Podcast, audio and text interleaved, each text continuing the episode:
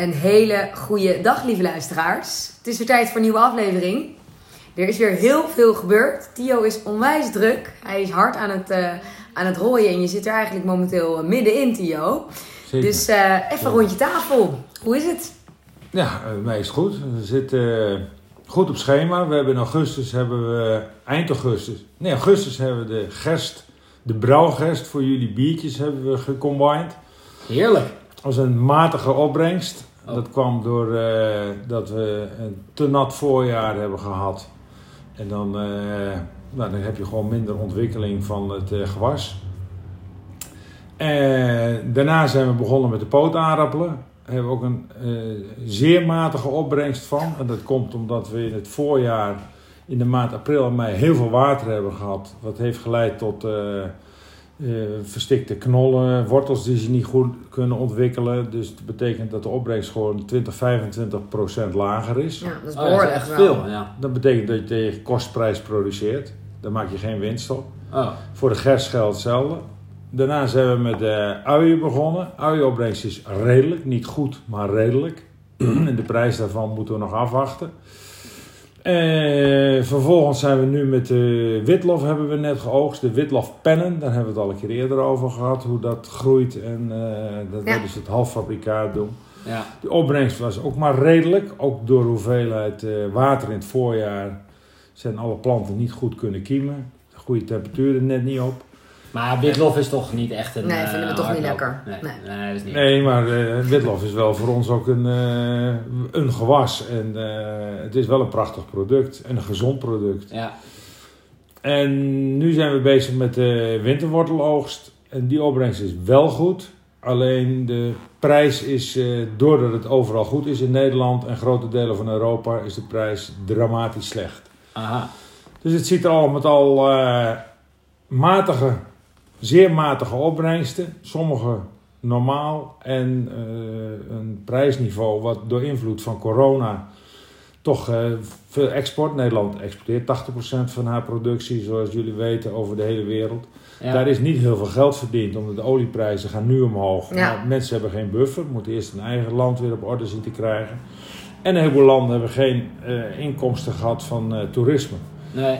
Dus de, de markt is lastig. En als er dan een goede markt is, dan zijn er geen containers om het product te vervoeren. Of de schepen liggen vast in het kanaal. Ja, dat is eentje geweest.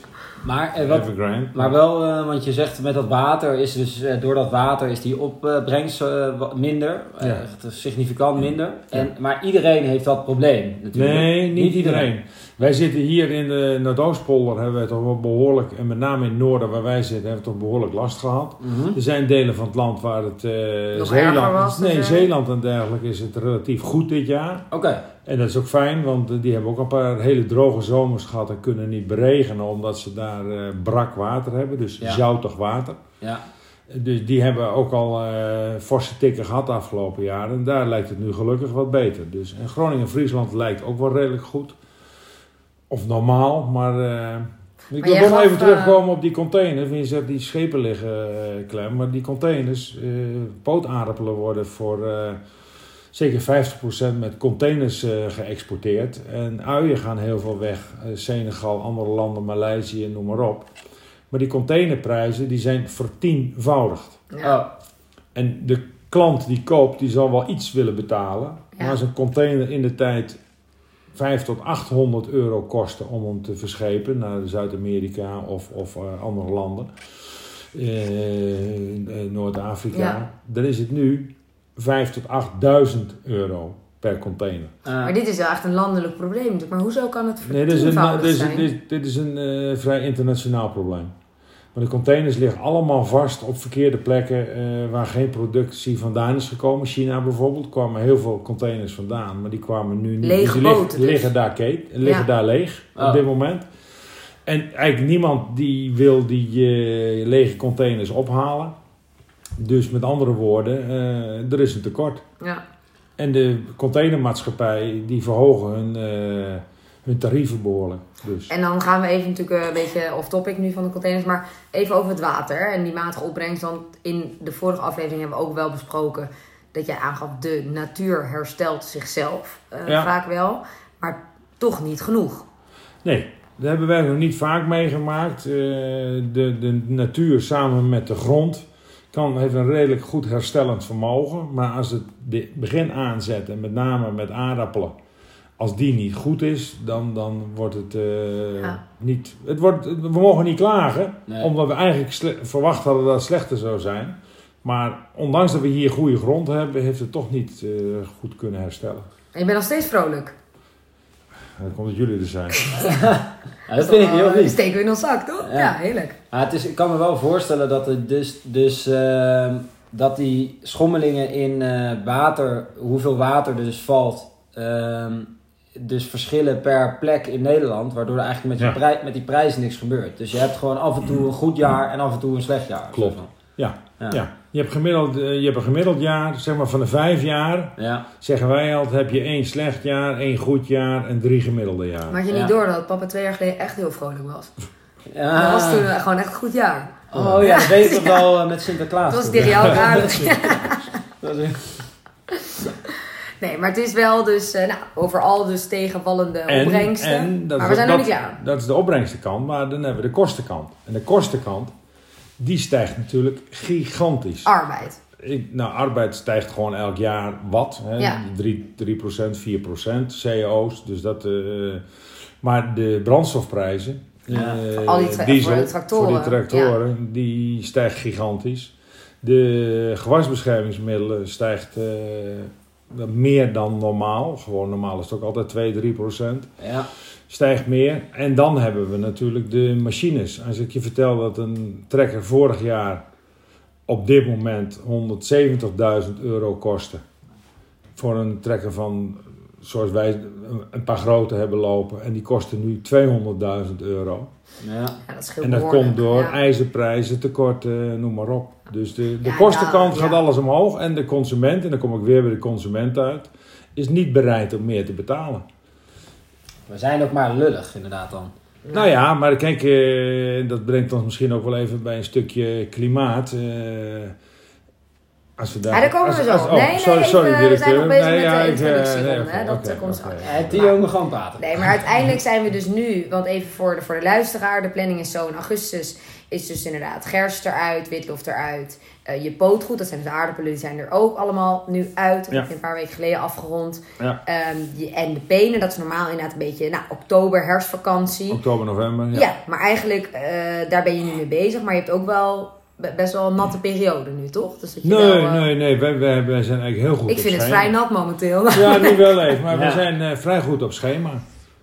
Dus eh, we, mogen, we mogen absoluut niet klagen. Oké, Als nou het dat is boven, oh, bij inderdaad die regen, als het nat is, dan kan je namelijk gewoon niks doen, toch? Nee, op het moment dat het nat is op grond, ik heb de weg, jullie rijden door de stad heen en oh, het heeft geregend, de straat is nat. Ja, die is nat. Maar als het op de grond nat wordt Ja. en je komt er dan met je schoenen loop je eroverheen, laat staan ze met tractoren overheen rijden en andere oogstmachines, dat bakt aan die wielen. ja. Die grond wil niet meer zeven, kun je vergeten, kapot. over en ja, uit. Ja. Dus ik zie het al gewoon drones. Toch, toch naar de drones. hè? Misschien feunen drones, dat ze het, het- de akkers weer droog maken. Er zit Ja. zoveel toekomst in. Ja. Ja. Kan je niet in plaats van een spuittrekker, soort feuns, dat je dan de, de Er wordt al nagedacht over dit soort dingen Zie je met, dat hier? met drones.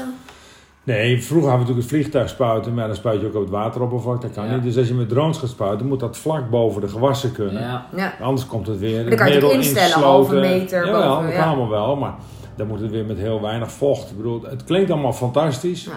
maar zover zijn we nog niet. Nou, Maar die dit wil mijn vader wil wel langskomen om dat een keer te De proberen. drones, Eh, ja. Ja, En, en is de eerste elektrische John Deere al gemaakt? Ja eh, zelfs sterker nog, eh, elektrisch zijn ze, maar die batterijen zijn eigenlijk niet eh, toereikend voor een hele dag. Hè. Het Want is zwaar om wordt op het land te natuurlijk- gaan dan. Nou ja, dat ook zwaar, het dak? maar, maar, maar er zijn natuurlijk, eh, wordt 14 tot 15 uur per dag gewerkt. Nou, dat zijn die batterijen, die kunnen dat niet. Maar wel naar gekeken wordt, zware tractoren uit te rusten met zwaar waterstof. En Ah. waterstoftanks eh, op het dak, inderdaad, zoals jij zegt. Ja, Daar wordt naar gekeken. Kijk, eh, bussen gaan veel elektrisch, maar ook op waterstof. klopt. Maar tractoren zijn ze ook druk mee bezig Ah. op waterstof. Interessant. We gaan eh, even nog door naar eh, de andere kant van de tafel. Want eh, voordat we over, doorgaan over het klimaat. eh, hoe is het met jou, Casper? Oh, wat, wat aardig dat je het vraagt. Ja. Ik dacht al dat we mij over zouden slaan. Nooit, toch? Nee, het gaat, eh, gaat goed. Ja, ik, ik heb eh, ook een beetje last van het weer. Want eh, ja, ik vind het, dit- dit- dit- deze tijd van het jaar is gewoon helemaal niks. Het is grauw en het is... maar ja, wat me wel blij maakt... Modderig. Modderig. maar wat, wat mij gewoon wel veel energie geeft is gewoon lekker... We zijn lekker druk bezig, toch? Ja. We zijn huis aan het klussen, in elkaar aan het klussen. dus eh, we zijn... Eerst uit elkaar, is mijn ervaring. Eerst uit elkaar en dan weer bij elkaar, inderdaad. Nou, zo gaat het leven een beetje. En dat, eh, ja, het houdt je wel van de straat, Het toch? houdt ons zeker van de straat, daar kan je niks van zeggen. Ja. Nou, dat is eh, fijn om te horen. Hoe is het ik met jou? eh, deel die mening met jou, dus eh, lekker Gaat- druk. Lekker Ja, druk. Lekker druk? Lekker druk gewoon. Fijn. Heerlijk. Dus dat gaat goed. Nou, dan ehm, gaan we even deze aflevering iets meer in over het klimaat. We hebben het vorige aflevering al even benoemd dat, ehm, nou ja, akkerbouw dus ook en überhaupt landbouw, eh, boeren afhankelijk zijn van het weer. En dat weer is ook veranderende. En dat zijn natuurlijk verschillende factoren. Maar zeiden inderdaad ook toen, nou, kwam het even al kort te sprake van, oké, wat ga- gaat de landbouw dan ook veranderen? Weet je, gaat het ook veranderen wat we dan gaan oogsten, wat we gaan eten? Of wat we kunnen eten in de toekomst? Dus eh, ik ben wel even benieuwd, eh Tio, hoe jij hier, hierin staat. Denk jij dat het, nou, de landbouw en jouw producten mee gaan veranderen met het klimaat? Ik denk trouwens, ik wil nog wel iets anders eh, stellen, Oh, misschien zelfs wel. Dat je zegt inderdaad, dat de landbouw is afhankelijk van het klimaat. Maar er wordt natuurlijk heel veel ook gezegd dat het klimaat ook weer afhankelijk is van de manier hoe we eh, landbouw, eh, of in ieder geval voedsel verbouwen. Dus, eh We gooien hem even twee kanten op. ja. Je draait hem weer verkeerd, Casper. Dat is weer jammer. Maar, nou, gewoon kritisch, hè? Nee, maar het is... Het is, het is eh, ik, ik zal er wat over zeggen, maar het is, het is natuurlijk buitengewoon complex. Ja. Eh, klimaat, we hebben het over opwarming van de aarde, om daarmee te beginnen. eh, veroorzaakt door CO2-uitstoot. Ja. Nou, CO2 komt bijna overal van af. Eh, auto's, schepen, vliegtuigen, noem maar op. Alles, Tractoren. alles, alle tractoren, alles wat we doen. Maar CO2 wordt, en dan maak ik wel een onderscheid tussen de akkerbouw en de veehouderij. Akkerbouw stuit, stoot niet heel veel eh, CO2 uit. Sterker nog, suikerbieten is een hele grote binder van CO2. dus dat is positief. CO2 Daar wil ik- positief is dit, dat, product. ja, binden. binden Ja. ja. Ja. De, de, en die legt het vast in het blad en dat komt dan weer in de grond. En er wordt natuurlijk op andere plekken wordt ook CO2 in de grond opgeslagen. Daar zijn ze Ja. ook mee bezig. Gasvelden, maar ze zijn eh, op, op diverse plekken bezig. Eh, maar de veehouderij, die wil ik zeker niet in een kwaad eh, daglicht stellen, maar die stoot meer CO2 uit. Maar daarbij moeten we ook weer kijken naar de intensieve veehouderij. En dat zijn dus de varkens en de kippen. De kippen, die dus eh, binnenlopen voor een deel, maar die lopen niet meer in die, in die hokjes zoals de batterijen, zoals we dat van vroeger kenden. Dat, dat hebben we in Nederland bijna niet meer. Dat is niet mondiaal uitgeschakeld. Maar Nederland eh, is daar eh, ook weer een voorloper in. Dus dat gebeurt wel een beetje, maar die stoot, die stoot CO2 uit. Maar er zijn ook een heel veel, heel veel eh, middelen in die stallen die Ja. die CO2 eruit halen. Dus zolang, zodra dat niet naar buiten komt, en een deel Ja, zul je niet voorkomen. Want we willen aan de ene kant. Dat is met wel een wel mooi voorbeeld. We moeten vrij uitloopkippen hebben. Hè, voor Ja. de, hè, die koop je in de winkel. Hè, dat vindt, eh, jullie als consument vinden dat mooi. Ja. Maar als ze naar buiten lopen, dan produceren ze CO2 en die gaat naar. Komt in de Het buitenlucht, komt in de atmosfeer. ja. Dus het is zo tegenstrijdig als wat. Als we het allemaal binnenhouden. heel dan even nee, wat wat- heb als, als, als wij. Wat? Hoe, hoe, wat doen zij, maar hoe maken ze CO2 dan? Dat, dat zijn de, de, de uitwerpselen van de. Van de dus gewoon methaan. met, gewoon het ja, kak methaan. van de... Ja, ja. Zolang het kak in de schuur blijft, is het niet erg. Zo, nou, dan wordt het heel veel uitgefilterd. Ik zeg niet, maar de, die luchtwassers halen het stank eruit, maar ook eh, heel veel eh, CO2. maar de, de uitloop, hè, de, de varkens moeten naar buiten, de, de kippen moeten naar buiten, de koeien moeten naar buiten. Ja. Want, eh, maar dan maken we even slag, maar ik wil toch even eerst bij die kippen en die koeien blijven. Eh, dat ligt dan ook nog vaak weer in de buurt van Natura 2000 gebieden. En daar hebben we in Nederland 162 van. En dan moeten we allemaal zorgen dat daar eh, meer ruimte komt. Dus varkensbedrijven moeten ermee ophouden enzovoort enzovoort. Ja. Maar als die varkens allemaal binnen blijven, dan valt dat best wel mee. Ja. En ze stoten wel een deel methaan uit. Maar in de atmosfeer heb je twee schillen. De CO2-schil en de methaanschil. En de CO2-schil wordt niet afgebroken, maar de methaanschil wordt heel snel afgebroken. Relatief snel afgebroken. Mhm. En dat wordt voor een groot deel ook veroorzaakt door de uitstoot van eh, dieren. Ja. Dus we willen een, een, een varken wat naar buiten loopt, maar op dat moment dan komt al die mest komt in de atmosfeer en dan hebben we weer die uitstoot. Ja. En hetzelfde willen we met kippen. Maar we mogen ook niks uitstoten. En, en daarnaast mag het ook nog niks kosten. Nee. Nee. Dus het is eigenlijk tegenstrijdig dat, zeg maar, als ik een consument ben, ik denk, ik wil een scharrelkip, Ja, maar ik wil ook eh, kip blijven eten, maar het mag ook niet uitstoten. Dat, is dan eigenlijk, Ja. dat zijn eigenlijk Ja. drie dingen die niet samen gaan, Ja. zeg jij. Er, zit, er is eigenlijk niks goeds. Alles Nou, is een beetje... ja, je Nee, moet het is prima. We hebben het altijd zo gedaan zoals we het gedaan hebben, maar dat is niet goed. Dus, Nee. het, dus het moet Nee. anders. De Er consument wil het ook anders. Ja. Maar de CO2-uitstoot moet ook anders. Ja. En de methaan, zeg ik al, die wordt wel weer afgebroken. Dat is veel minder groot probleem. En dan heb je de, eh, de koeien, dus de veehouderij. En die heeft natuurlijk het punt met eh Planet Proof moeten de koeien naar buiten. Ja.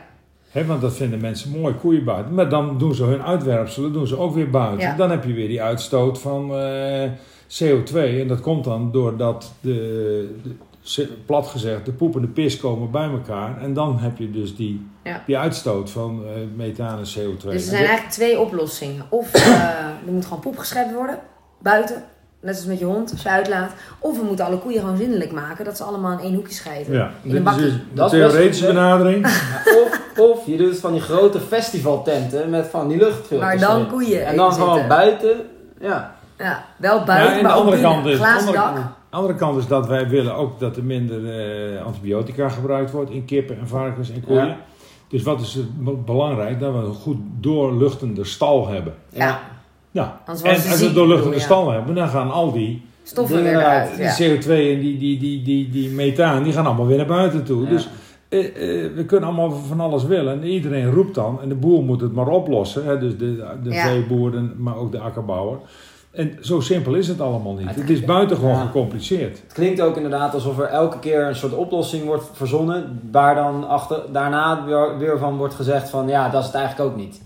Van Nee, oké, we willen de kippen. zijn te veel we willen- problemen, we hebben de kippen hebben we binnen. We gaan daar alles filteren. Eh supergoed. Dan opeens wil iedereen al die kippen en al die eh, dieren naar buiten. Ja. Nou, dan hebben we een probleem. Dan kunnen we dat niet meer filteren. Dus dat is eigenlijk ook niet goed. Nee. Dus wat gaan we dan doen? Soort van. Nou, dan, dan kom je in de, in de volgende discussie ze, dan mo- moet je geen vlees meer eten. Hè? Dan kom, zou je geen kippen meer eh, Nee. hoeven houden en geen varkens en geen, eh, geen eh, runderen. Nee. Eh, maar zover is de maatschappij ook nog niet. Want dan moeten we namelijk allemaal eiwit, plantaardige eiwitten. Nou, als je weet hoeveel dierlijke eiwitten wij tot ons nemen. Als je die wil vervangen door plantaardige eiwitten. Dan eh, heb je zo gigantisch veel ruimte nodig. Nou, die ruimte hebben we niet op deze wereld. En als we die ruimte hebben, is er op die plekken geen water om Nee. die producten te laten Nee. groeien, die planten. Want dat is eigenlijk wat jij zei, we kunnen de wereld ook nog niet voeden. Dat, dat, ik denk wel, de- we doen stappen in de goede richting, maar we kunnen niet in één van de andere dag om. Nee. En ik ben ook wel even benieuwd dan als we het over, nu hebben we het heel erg over Nederland hè. Blijf ik Ehm, gewoon vlees eten trouwens. even. Ja, dat is goed. Ehm, hoe zit het dan de rest van de wereld? Want wij in Nederland zijn natuurlijk ook pietje precies en alles moet en iedereen moet let op elkaar. Maar hoe, hoe is dat verder in de wereld, dit probleem? Nou ja, Nederland is natuurlijk een heel klein land met heel veel mensen op een klein stukje aarde. En eh, daar is eh, de stank mag niet en dit mag niet. En we hebben een vrij kritisch publiek natuurlijk in Nederland. Noordwest-Europa ook. Hè. De Duitsers en, en, en Fransen zijn, zijn niet anders. Maar daar is in ieder geval al meer ruimte.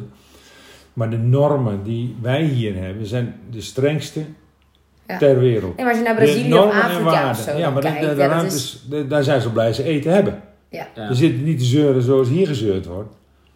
Maar hier, als je een goed plan hebt, is het verder prima. Hè, maar dan wil ik nog even zeggen, eh, nog één ding toevoegen aan, aan de, de veehouderij. Eh, als je de... eh, in- vroeger hadden we die uitstoot hadden we veel minder. Hè? Van, Ja. van, van de koeien, van eh methaan, Maar ook minder CO2-uitstoot. mensen in de wereld, toch? Nee, maar toen aten die koeien aten gras. En een koe heeft vier magen en die kunnen dat verteren. En Ja. dan heb je dus veel minder uitstoot. Wat zijn we gaan doen? Omdat we melkproductie, zo, melkproductie willen verhogen, krachtvoer. Maar Ja. Daar kun je van alles bij bedenken. Dat zijn eh Powerbars. soja- soja- nou ja, nee, maar alles, daar zit van alles in krachtvoer. Hè? Maar dat is dus niet gras. granola met... En daardoor krijg je dus veel hogere Ja. productie van die eh, methaan en Ja, dus die we zijn eigenlijk CO2-uitstoot. ook een beetje Dus zelf... we kunnen best wel gras, dan komen er minder koeien. Maar dan moet de melkprijs, die moet dan wel naar, eh, verdubbeld worden. Maar ja, zoveel betalen we nou ook weer niet voor een pak melk, toch? Nee, een koe produceert, eh, nou een goede koe, 10.000 liter melk per jaar. Zo, dat is veel. Dat Ja, zal dan misschien 5, 6, 5, 6 worden. Maar dan moet die melkprijs moet verdubbeld Ja. worden. Maar en is de zich- consument bereid om dat te doen, eh, Casper Rietveld? Nee. Oh, die zegt, wordt mijn achternaam al genoemd? Nee, maar ik denk Nee, wel voor maar- een pak sojamelk betalen we Ja. toch ook 2 euro. Van, ik, voor een normaal pak melk niet, maar het is niet dat ik daar echt naar kijk. Nee, maar we Nee. zijn inderdaad wel, we, we zijn niet, we willen alles en we willen niks weggeven. Prikkie op de eerste rij, hè? Ja, dat is gewoon... Dubbeltje op de eerste rang. Ja, dat, Ja. dat is het. En we zijn natuurlijk met plantaardige, nog even die melk afmaken, we zijn natuurlijk met, jij noemt sojamelk eh, Inge. We zijn natuurlijk met oatsmelk zijn we bezig. Eh, daar wordt heel veel in geïnvesteerd. Helemaal goe- hele goede ontwikkeling Ja. allemaal. Maar ja, eh, Ja. dat hebben we nog niet Nee, voor dus elkaar. even zeg maar samenvattend, als wij nu kijken wat, wat verandert er in die productie ook zeker van boeren. En zeg jij eigenlijk, we zijn dus veel meer bezig met plantaardige en eiwitrijke producten Ja. te gaan produceren. Dus die productie eh, gaat omhoog. En verder is het dus ook nog een beetje, ja, het is nog niet helemaal besloten wat we eigenlijk nu allemaal precies gaan doen met het feit wel geen dieren. We weten dat we minder vlees gaan eten, maar eh, ja, Ja. Is nog niet, eh, niemand heeft nog een oplossing. Dus lieve luisteraars, mocht je een goed idee hebben, een op wereldoplossend probleem, Nou, ik kom, hier graag, ik kom hier graag nog een keer op terug, want het is buitengewoon breed natuurlijk. En jij noemde al de rest van de wereld even, maar daar gaan we nu niet meer op in. Maar Nee. we praten nu nog steeds even over Nederland. En ik ben Ja. natuurlijk een akkerbouwer. En wij, wij stoten dat minder uit. Maar natuurlijk, als bij ons een trekker rijdt, stoot hij ook CO2 uit. Dat is makkelijk zat. Dus eh, we, we- zijn niet eh, heiliger. Maar wij stoten gewoon door wijze van produceren gewoon minder Ja. CO2 Nou, maar dat je dus ook niet met dieren werkt, is al dus het Ja. feit dat je minder Ja. uitstoot. Ja. Ja, dat ben ik wel benieuwd. Heel kort, gewoon, want we, we, we hebben niet te veel tijd meer. Maar ehm, in, in, in twee zinnen, wat is wat jouw bedrijf nu aan het doen is om te zorgen dat je klimaat eh, bewuster eh, verbouwt? Wij zijn eh, gegaan naar eh, een derde granen. Dus dat betekent dat wij de bodem ontzien, dat wij de bodem sparen, dat de bodem meer tot rust komt, de grond, en dat we daardoor eh, eh, de productie voor de toekomst veilig kunnen stellen, omdat we zorgvuldiger met de bodem omgaan. Oh ja. Mm, ja. Maar jij Dat- dus dat nog wij- niets verder qua elektrische tractoren of andere dingen. Is er nog niet voor Nee. Nee. Oké. Nou, volgende stap. Nou, laatste rubriekje dan maar. Het groen van het seizoen. Wat moet de luisteraar deze week eten, Tio? Wat zou de luisteraar deze week moeten eten? Nou, ik, ik, ja, ik ben dan toch wel eh, een, een, een hutspotje van wortelen zou ik eh, aanbevelen. Eh buiten gewoon lekker een uitje erbij bakken en dan heb je voor mij een heerlijke Goeie omzet voor jou, seizoen, dit, seizoensgroente. Ja. En de wortelen krijgen nu ook weer meer smaak. Zomers hebben ze minder smaak, moet ik eigenlijk niet zeggen. Maar in deze tijd wordt het wat kouder. Dan worden die- Lekkerder. worden de Ja. suikers omgezet en dan worden ze smaakvoller. Dus ik zou echt zeggen, jongens, een hutspot met een gebakken ui erbij. Nou, En jullie, eten ze best oranje hier, hè? Niet zoveel, eh, Nee. niet aardappelen. Nou, dit is nog even een klein dingetje. Ja, ik heb dus vernomen, Goeie. Tio, Ja. dat vroeger hutspot met origine van, met pastinaak was. En helemaal niet met aardappelen, er waren nog geen aardappelen toen. Nee, want Ja, de hutspot klopt. komt natuurlijk van de Leids ontzet. Leids ontzet. En ja. eh, de- toen wisten ze helemaal nog niet, eh, dat is een feitje inderdaad van mijn moeder. Ja, Ja. Toen wisten ze helemaal nog niet dat er aardappelen e- eetbaar waren toen Nee. die tijd. Toen Nee. Leiden werd Nee. bevrijd. van dus de hutspot is helemaal niet meer aardappel. Het is gewoon met pastinaak. Ja. Nee, maar dat klopt. Maar dat zou je prima een keer kunnen maken natuurlijk. Ik het lijkt me heel leuk, Casper, als ik in Amsterdam kom eten, dat jij een keer hutspot maakt van pastinaak met eh, wortel. Nou, dan staat hij. En de eerste luisteraar die een mailtje stuurt, die mag mee eten. Ja. nou, heel erg bedankt voor het luisteren en een hele fijne dag nog. Yes. Tot ziens.